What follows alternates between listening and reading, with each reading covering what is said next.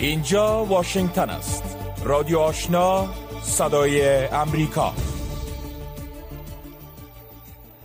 شنوندگان گرامی سلام شب شما بخیر. و برنامه خبری این ساعت رادیو آشنا خوش آمدید. نسرین محمود عزیزی هستم و با همکارانم برنامه این ساعت چهاردهم نوامبر سال 2022 میلادی را به توجه میرسانیم. نخست همکارم احد عزیزاده با مشروع اخبار. با عرض سلام احد عزیزاده هستم از رادیو آشنا صدای امریکا با اخبار افغانستان منطقه و جهان تا این ساعت. رهبر طالبان به قاضیان حکومت این گروه دستور داده که باید حدود و قصاص را در افغانستان عملی کنند. زبیح الله مجاهد سخنگوی حکومت طالبان گفته است که هیبت الله آخونزاده در دیدار با قاضیان این گروه بر عملی شدن حکم شریعت و این دستور خود تاکید کرده است. در همین حال با ادامه وضع محدودیت ها بر زندگی زنان توسط حکومت طالبان این گروه در اقدام تازه زنان افغان را از رفتن به حمام های عمومی منع کرده است. مهاجر با آژانس فرانس پرس گفته است که اکنون هر خانه یک حمام دارد. و دسترسی به حمام برای زنان دیگر مشکل نخواهد بود. پیش از این طالبان زنان را از رفتن به پارک های تفریحی و کلب های ورزشی نیز منع کرده بودند. شماری از زنان معترض در افغانستان نامه را زیر نام صد فریاد برای عدالت خواهی به شورای امنیت سازمان ملل متحد فرستاده اند. بر اساس این اعلامیه این زنان که روز دوشنبه 14 نوامبر نشر شده این صدنامه روایت مستند و کوتاه از وضعیت زنان افغان زیر سلطه حاکمیت طالبان است. شرکت برق افغانستان می‌گوید که به دلیل مشکلات تکنیکی یک سرکت برق وارداتی ازبکستان به این کشور قطع شده و از همین رو جریان برق کاهش یافته است. حکمت الله مایوندی سخنگوی این شرکت روز دوشنبه 14 نوامبر با فرستادن پیام بر ها گفته است که برای جلوگیری از پرچوی برق در کشور در کنار تمرکز روی استفاده از منابع داخلی وصل شده است. او گفت کشور ازبکستان با فرستادن پیام گفته است که مشکل تکنیکی در سمت آنها رخ داده است که به دلیل آن یک سرکت برق قطع و یک سرکت دیگر فعال است. سخنگوی شرکت برق افغانستان گفت که پرچوی برق در افغانستان دو روز ادامه خواهد داشت و پس از آن این مشکل حل می شود. این در حال است که با فرارسیدن زمستان روند توزیع برق در کابل و ولایات کاهش می‌یابد که منجر به ایجاد مشکلات به مردم می شود. اما شرکت برق افغانستان گفته است که تلاش می کند تا پرچوی برق کاهش یابد و برق مورد نیاز مردم را تأمین کند. سرپرست وزارت امور مهاجرین و عودت کنندگان حکومت طالبان در دیدار با شرزفیر سفارت پاکستان در کابل از بدرفتاری مهاجران افغان در آن کشور انتقاد کرده و گفته است که ادامه این وضعیت روابط دو کشور را جریهدار خواهد کرد. این وزارت روز دوشنبه 14 نوامبر با نشر خبرنامه گفته است که در این دیدار خلیل الرحمن حقانی سرپرست وزارت امور مهاجرین از شرزفیر جدید سفارت پاکستان در کابل خواسته است که باید جلب بدرفتاری پلیس با مهاجران افغان در شهرهای آن کشور را بگیرند. در خبرنامه آمده است که خلیل الرحمن حقانی وزیر امور مهاجرین با یادآوری از میزبانی چل ساله آن کشور از مهاجران افغان آزار و اذیت افغانها در شهر کراچی را باعث جریه شدن روابط نیک و دوستانه دو کشور دانست و همچنان از مشکلاتی که کاران در قسمت اغز ویزای پاکستان ایجاد کردن نگرانی جدی خود را ابراز کرد. با گفته این وزارت حقانی همچنان از شرزفیر پاکستان خواسته که کشورش باید در قسمت صدور ویزا به متقاضیان افغان تردد خانواده های دو طرف مرز، ایجاد حساب بانکی صدور جواز رانندگی و اعمار خانه های جدید در کمپ ها با مهاجران افغان همکاری بیشتر کنند. اخیرا گزارش های به نشر رسید که پلیس پاکستان صدها تن از شهروندان افغان به شمول زنان و کودکان را در برخی از شهرهای آن کشور بازداشت و زندانی کرده است. هفته گذشته ویدیویی که در رسانه های اجتماعی به نشر رسید در آن برخی از شهروندان افغان دیده می شوند که توسط پلیس پاکستان بازداشت شدهاند. ادامه اخبار منطقه و جهان از رادیو آشنا صدای امریکا رئیس جمهور چین شی جینگ پینگ برای ملاقات با جو بایدن رئیس جمهور امریکا روز دوشنبه به جزیره بالی اندونزیا رسید. این اولین بار است که جو بایدن باعث رئیس جمهور امریکا با رهبر چین رو در رو ملاقات می کند. این ملاقات در آسانه اجلاس سران گروه 20 صورت می گیرد. جنگ روسیه در اوکراین این اجلاس سران جی 20 را زیر سایه خود قرار داده است. گزارش خبرگزاری رویترز می افزاید که جنت یلن وزیر خزانداری امریکا ابراز امیدواری کرده که نشست رهبران امریکا و روسیه منجر به حل مسائل بزرگ اقتصادی میان این دو کشور اقتصادی بزرگ جهان شود. رئیس جمهور چین پس از سفر به ازبکستان و قزاقستان به اندونزیا رسید. این اولین مسافرت خارجی وی بعد از انتشار کرونا است. اعلامیه قصر سفید می گوید رئیس جمهور بایدن در این ملاقات با همتای چینایی خود خطوط سرخ در روابط پرتنش میان دو کشور را واضح خواهد ساخت. مسائل از تجارت گرفته تا حقوق بشر در منطقه شینجین و وضعیت جزیره خود مختار تایوان اجندای گفتگوهای رهبران دو کشور را تشکیل می دهند. ماونینگ سخنگوی وزارت خارجه چین در پاسخ به این پرسش فرانس پرس که پیکینگ از این ملاقات چه توقع دارد گفته که امیدوارند ایالات متحده امریکا به کار مشترک با چین رو آورد اختلافات را به گونه مناسب حل کند و به همکاری دو جانبه که به نفع هر دو کشور است گسترش دهد روزنامه روسی کمرسانت به تازگی گزارش داده که نمایندگان روسیه و امریکا امروز در انقره ملاقات می کنند. کرملین ساعت این گزارش را رد و تایید نکرده است. گزارش ملاقات مقام های روسی و امریکایی در حال نشر می شود که ولادیمیر زلنسکی رئیس جمهور اوکراین امروز از شهر خرسون در جنوب آن کشور که از تصرف روسا خارج شده است بازدید کرد. بر اساس گزارش روزنامه روسی زبان کمرسانت هیئت های ایالات متحده و روسیه امروز در انقره پایتخت ترکیه احتمالا به خاطر بحث روی موضوع اوکراین ملاقات می کنند. طبق این گزارش سرگی نریشکین رئیس اداره استخبارات خارجی روسیه نیز در این هیئت شامل است. اما کرملین گفته است که این گزارش را تایید یا رد نمی کند. آقای زلنسکی قوای روسی را متهم به ارتکاب جرایم جنگی در هفته آخر قبل از خروج از خرسون کرد. سلیمان سویلی وزیر داخله ترکیه شبه نظامیان کرد را مسئول انفجار روز یکشنبه در استانبول خوانده است. وی گفت که 22 نفر به اتهام دست داشتن در این انفجار بازداشت شدهاند. با گفته سویلو دستور این انفجار در کوبانی شهر در شمال سوریه صادر شده است جایی که نیروهای ترکیه در آن سالهای اخیر عملیات نظامی را علیه شبه نظامیان کرد انجام دادند. پیش از این رجب طیب اردوغان رئیس جمهور ترکیه گفته که بر اساس معلومات ابتدایی حمله کننده در شهر استانبول یک زن بوده است. با گفته مقام های ترکی در انفجار عصر روز یک شنبه در جاده پرزدهام استقلال شش تن کشته و 81 تن دیگر زخمی شدند. مسئولیت رویداد را کسی یا گروه هنوز ادعا نکرده است. شنوندگان گرامی رادیو آشنا صدای امریکا نشرات رادیو آشنا را در موج متوسط 1296 موج کوتاه 11575 اعشاری صفر و در موج 972 کیلوهرتز شنیده می توانید.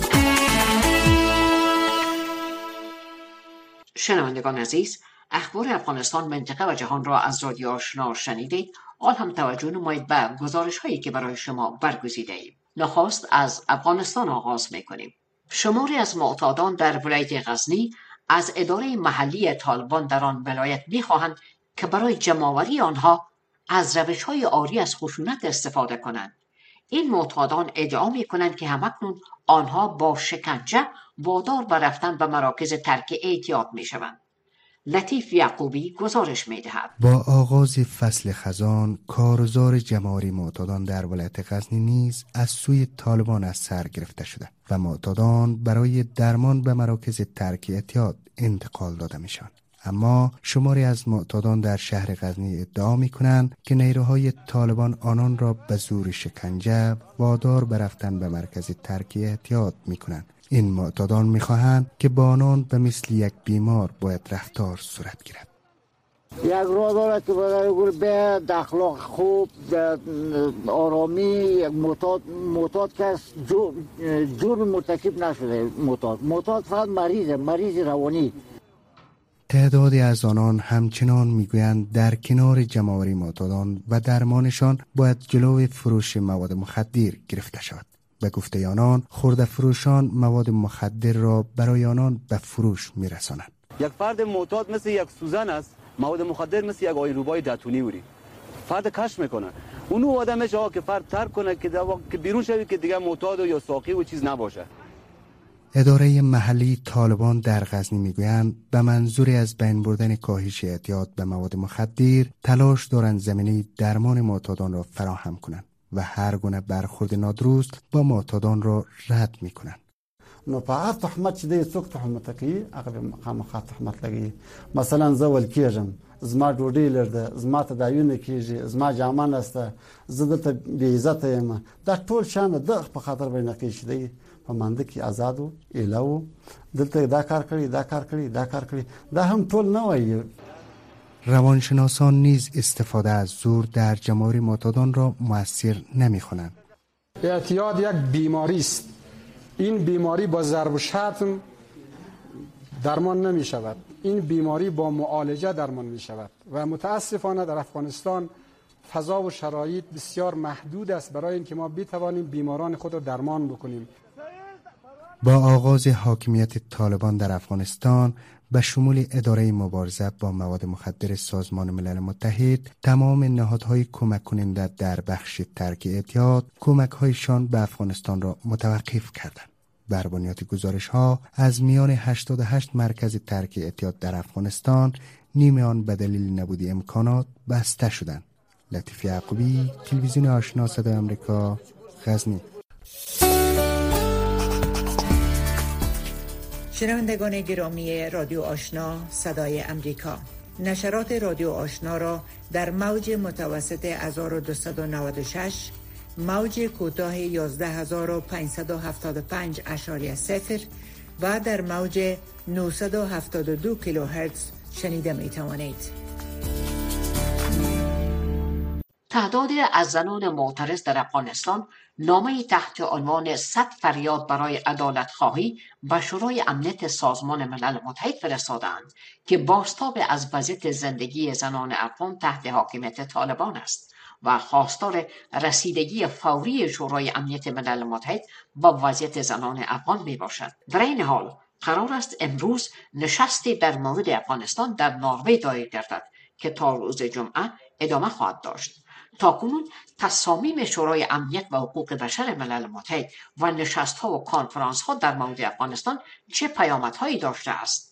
در این مورد من نسرین محمود عزیزی نظرات دکتر وحید وحید الله تحلیلگر ارشد سازمان ملل متحد برای حل و فصل منازعات منطقه‌ای و بین المللی را جویا شدم که اینک پیشکش شما میگردد جناب دکتر دانش به نظر شما آیا بالاخره حکومت ایران موفق خواهد شد تا اعتراضات خاموش بسازد؟ به نظرم کاسه صبر مردم ایران لبریز شده. رژیم اخوندی ایران علاوه بر اینکه ظلم و ستم مانع ازادی بیان ازادی مطبوعات ازادی عقاید شده.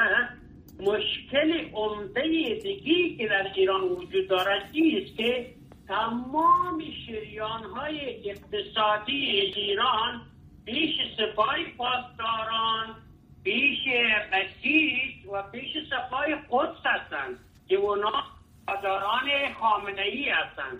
و این لحاظ ایران هستند که در مسائل اقتصاد ملیشان که عبارت از نفت و گاز و امثال مسائل هستند یک اختلاط و فساد بسیار گسترده ای که به میلیاردها میلیارد پول ملت از طرف دولت به یغما برده میشن. این مسائل باعث ازی شده که خشم مردم دیگه لبریز بشود. این وضعیت اقتصادی نابسامانه که ایران با مداخلاتش در کشورهای مختلف و اجمونیزم مذهبی خود می‌خواهد در دنیا به نمایش بگذارد و پول مردم را به مصرف برسانند بیشتر قابل تحمل برای مردم ایران نیست. من یقین و باور کامل دارم که با جاری شدن جویهای از خون باز مردم ایران استقامت خواهد کرد. و رژیم اخوندی را از پا در خواهد در صورتی که معترضا پیروز شوند آیا حکومت ایران سقوط خواهد کرد یا ای که کدام سازش هایی با معترضا صورت خواهد گرفت؟ در شرایط فعلی دنیا به یک صدا به خاطر سقوط رژیم ایران هم نظر نیستند.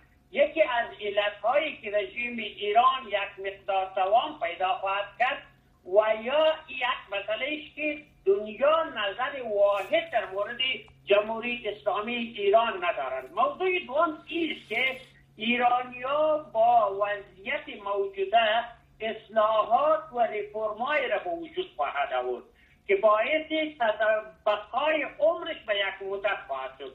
در غیر این صورت با این قبا و با این طرز فکر و با این اندیشه رژیم ایران تداوم پیدا کرده نمی‌تواند. این لحاظ با سازش و رفرم های عمده که به وجود خواهد آمد احتمال یکی رژیم تغییر نکنه ولی ساختار یک مقدار تغییرات به وجود بیاید. در غیر این صورت اگر جهان با خصوص مثلا ایالات متحده امریکا هم نظر به مردم ایران می بودن کشورهای غربی سقوط رژیم ایران را می خواستن در او صورت احتمال بقایش هیچ ممکن نبود. در این صورت پیامدهای ای اعتراضات بر کشورهای همسایه ایران مخصوصا افغانستان چه خواهد بود؟ از روزی که اعتصابات در ایران اوج گرفته شما نرمش سیاست طالبانی را متصور هستید می‌بینید که هر روز طالبا یک مقدار کرنش می‌کنن و می‌فهمند که هیچ رژیم مستبدی به زور نیزه و تفنگ سر ملت ها حکومت کرده نمی‌تواند وقت و تاریخ نظام های دیکتاتوری به پایان رسیده. از این خاطر هستم که باید و باید تمکین بکنند.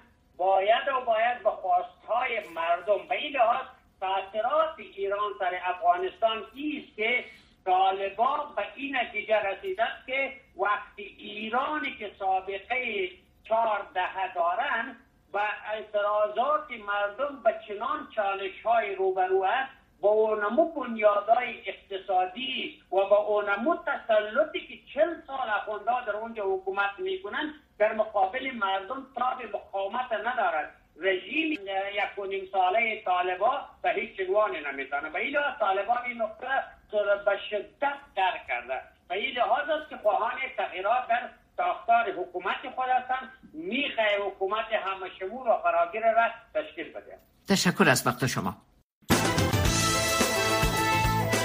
رادیو آشنا صدای امریکا هفت روز هفته. خبر و گزارش ها و تحلیل های خبری روز. سفرینن عضو مجلس سنای ایالات آیوا می‌گوید که خروج نیروهای نظامی این کشور از افغانستان مسائل مطرح برای شمار از افرادی است که در انتخابات میانداری امسال کانگرس امریکا شرکت کردند. آقای نن در صحبت با همکارمان ژیلان گفت که اعضای فعلی کانگرس که سابقه نظامی دارند و ممکن کسانی که تازه به کانگرس را پیدا می کنند تلاش خواهند کرد تا موضوع نجات و تحقیم متحدین افغان را در اولویت خود قرار دهند. توجه کنید. مسکو دو مجتمع را داشت برای تمرکز بر مسائل مربوط به افغانستان. یکی فرمات ماسکو بود که بیشتر ماسکو جمع کشورهای آسیایی میانه بودند. و یک تعداد کشورهای منطقه همچنان و دوم ترویکا پلاس بود که دو کشورهای بزرگ روسیه آمریکا و چین و جمع دو سه کشور خرد منطقوی بودن. دیگه دو وقت طالبا رو دعوت می‌کردن چون طالبا یک عنصر ضد امریکا و مطرح در جنگ بودن. فعلا در در فرمات ماسکو که کشورهای منطقه است بیشتر کشورهای آسیای میانه است مسکو دعوت نکردن. این به دلیل بسیار پیچیدگی است که حال در روابط بین مسکو و طالبان ایجاد شده. شما در کل من خبرها رو دنبال می‌کنین و طالبا با مسکو در تا حد رابط دارن. شما این تعامل روسیه را با طالبا چطور ارزیابی می‌کنین؟ خب طالبا و روسیه فکر می‌کردن که روابط از اینا بسیار بیشتر و بهتر از آنچه که هست خواهد بود که اینطور نشد. حال یک نوع نومیدی دو جانبه وجود دارد. طالبا امیدوار بودن که روسیه در زمره اولین کشورهای باشه که اونا رو به رسمیت بشناسه و روسیه کمک های زیاد اقتصادی و بشری و اینا رو برشان بده. و روسیه توقع داشت که طالبا در مسائل مبارزه با تروریسم و سایر گروه های افراطی همکاری کنند. هیچ کدام از اینا این کار نکردن. نه طالبا با وعده خود وفا کردن. طالبا همچنان وعده کرده بودن که حکومت دارای بنیاد گسترده یا حکومت که دو سایر عناصر افغانی هم دخیل باشن ایجاد کنن هیچ کارم نکردن. رابطهشان سرد است بر از که یکی از یکی دیگه ناامید هستن. هر دو فکر می‌کنن که با هایی که یکی به یکی دیگه داده بودن عملی نشده یا عملی نکردن رو وجه مشترک فکری و سیاسی بین طالبان و روسیه وجود نداره. یک دوستی از اینا یک دوستی بر مبنای تعامل مشترک یک transactional friendship بود یک دوستی بود که هر دو طرف روسا بر روسا غنیمت بود که طالبان یک عضو یک عنصر ضد امریکایی هستند و برای طالبان مهم بود که یک کشور بزرگ مثل روسیه که جز شورای امنیت است و کشور است که نسبتا پرستیژ بین المللی داره از اینا حمایت می‌کنه. به او دلیل وجه مشترک فکری و سیاسی و ایدئولوژیک بین از وجود داره برخلاف در بس و موارد اینا در تقابل با هم قرار دارن. و حالی که این می وجه مشترک مبارزه با آمریکا از بین رفته این می تناقضات داخلی که اینا داره اینا بیشتر و بیشتر عیان میشن. آقای شما در نشستی که در ویانا پایتخت اتریش برگزار شرکت کرده بودین با شست سیاسی هم بودین چی دستور داشت و اکنون هم نروژ قرار است که همش یک نشست رفت آینده در چند روز آینده داشته باشن؟ نظر شما در مورد چی است؟ چقدر نشست ها برای حل مسئله سیاسی افغانستان کمک می‌کنه خب یک چیزی را که ما افغان همه تقریبا در او موافق هستیم ای است که ما یک نظام مثل نظام سیاسی طالبان را نمی‌خواهیم که مبتنی با زور و جهالت و استبداد و ظلم باشه. اما این سرازی باید کار شود ما افغانا باید بیشتر از این با هم بشینیم و مشوره کنیم که پس چی رو می‌خواهیم؟ یعنی ما می‌فهمیم که چی نمی‌خواهیم اما سرازی که ما چی می‌خواهیم سرازی باید کار شود. جلسه ویانا هدفش همی بود. و, و تاکید ما سرازی است که ما باید سرازی کار کنیم که چی ارزش های مشترک است که ما را یک جا می‌کنن. متاسفانه گاهی وقت این در تناقض قرار می‌گیره با اینکه ما دوری کی جمع شویم. ما فکر می‌کنم با با می گذشته نسبتا دردناک چل سال جنگی که ما داشتیم و مشکلاتی که در افغانستان ایجاد شد سخت است که ما از رای از این فرمول که دوری کی جمع شویم به یک نتیجه برسیم. ما, بیشتر می‌تونیم و آسانتر می‌تونیم که دوری چی جمع شویم؟ چی ارزش های مشترک است که ما را می‌تونه متحد بسازه متفق بسازه و با هم یک جا کار کنیم؟ شما قبلا در واشنگتن هم نماینده افغانستان بودین جمهوری اسلامی افغانستان و باز هم در واشنگتن شما رو می‌بینیم. سیاست واشنگتن در 14 ماه گذشته چطور در قبال افغانستان می‌بینین که با طالبان چطور تعامل می‌کنن و ممکن نتایج انتخابات تا حد برای سیاسیون یا قانونگذار امریکایی تاثیرگذار باشه که در قسمت افغانستان تغییر مشی تغییر سیاست داشته باشن. ما با دوستای امریکایی خود که در اینجا از وقتی صحبت می‌کنم با شمول دوستایی که مثلا از گروپ های بسیار محافظه کار یا نیوکان بودن به اصطلاح اونا میگن که موافقت نامه دوها یکی از بدترین موافقت نامه هایی بود که امریکا امضا کرده. در تاریخ امریکا. یعنی به این اندازه از از این موافقت نامه اینا دوستا مخصوصا کسایی که یک علاقمندی و سمپاتی بر افغانستان دارن ناامید و شاکی هستن. ما خب اما ضرورت بود که اساکر امریکا از افغانستان بیرون شود یعنی یعنی اولویت همی بود که اساکر با نوی بیرون شوند که بر از صدمه نرسه. ای که به افغانستان چی میشه یا چی می‌شد؟ اول یک اولویت بزرگ نبود و دوم در جریان دو هم اشتباهات صورت گرفت. هم از طرف امریکا هم از طرف طالبان و هم از طرف دولت گذشته حال ما فکر می‌کنم که یک تعداد زیادی از امریکایی هستند که به افغانستان علاقه دارند تا حال یک پلیسی بسیار دقیق مشخص وجود نداره. برای امیدوار هستم که با گذشتن انتخابات میان دوره ای که یعنی تمام شد دیروز و امروز نتایجش بخیر امروز فردا به صورت نهایی می‌بینیم یک تمرکز بیشتر از نظر پلیسی سر مسائل افغانستان شود و دوباره مردم افغانستان و این فاجعه بزرگ بشری که در افغانستان است در مدار توجه قرار بگیره. نه تنها که در, در افغانستان نظام سیاسی وجود نداره فقر بدبختی غریبی ناداری اینا بسیار مصیبت های بزرگی است. مردم ما واقعا رنج می‌برند و این مصیبت باید ختم شود.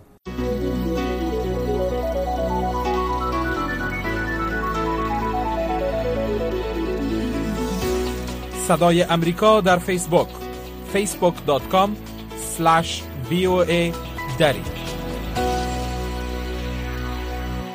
و آخرین گزارش این بخش است که اداره پناهندگان سازمان ملل متحد روز جمعه اعلام کرد که یک کمپاین مالی جهانی را برای کمک به افرادی که به اجبار به دلیل جنگ و آزار و اذیت آواره شده اند را اندازی کرده است تا در زمستان سرد پیشرو جان سالم به در ببرند. لیس اشتاین خبرنگار صدا امریکا از ژنو گزارشی دارد که عبدالواجد عادل پیشکش شما می دارد. هدف از این کمپاین جمعآوری 700 میلیون دلار در سال جاری برای کمک به خانواده است که در شرایط خطرناک در اوکراین، افغانستان و سراسر شرق میانه زندگی می کنند تا بتوانند با سردی انجماد کنار بیایند. اولگا سارادو سخنگوی کمیشنری عالی پناهندگان ملل متحد می‌گوید بسیاری از افرادی که مجبور به ترک خانه های خود شدند با زمستان بسیار سختی روبرو خواهند شد. او می‌گوید با توجه به افزایش شدید قیمت غذا، سوخت و سایر کالاهای اساسی تأمین نیازهای روزانه خود برای آنها دشوار خواهد بود. او اضافه می کند که آنها همچنین با تأثیرات دوامدار همگیری کووید 19 و تهدیدهای ناشی از بحران اقلیم مبارزه خواهند کرد. برای بسیاری از آوارگان اجباری جهان زمستان پیشرو خیلی آزمون برانگیزتر از سالهای اخیر خواهد بود. بسیاری از خانواده های آواره در تلاش برای گرم کردن سرپناه های خود تهیه لباس های گرم و طبخ غذای گرم راه جز انتخاب میان غذا و گرم ساختن نخواهند داشت. کمیشنری عالی پناهندگان ملل متحد از کمبود بودجه جدی رنج می‌برد. که آن اداره را مجبور کرده است تا برخی از برنامه های نجات جان انسانها را در سراسر جهان کاهش دهد. این اداره نمی‌تواند برای تأمین نیازهای خود روی کمک کنندگان بینالمللی معمول حساب کند. بنابراین کمپاین جهانی بودجه زمستانی در حال تماس با همه برای حمایت است. سارادو خاطر نشان می کند که این کمپاین از حکومات، شرکت های دولتی و خصوصی و افراد درخواست می کند تا در زمستان امسال پناهندگان را معمون و گرم نگه دارند.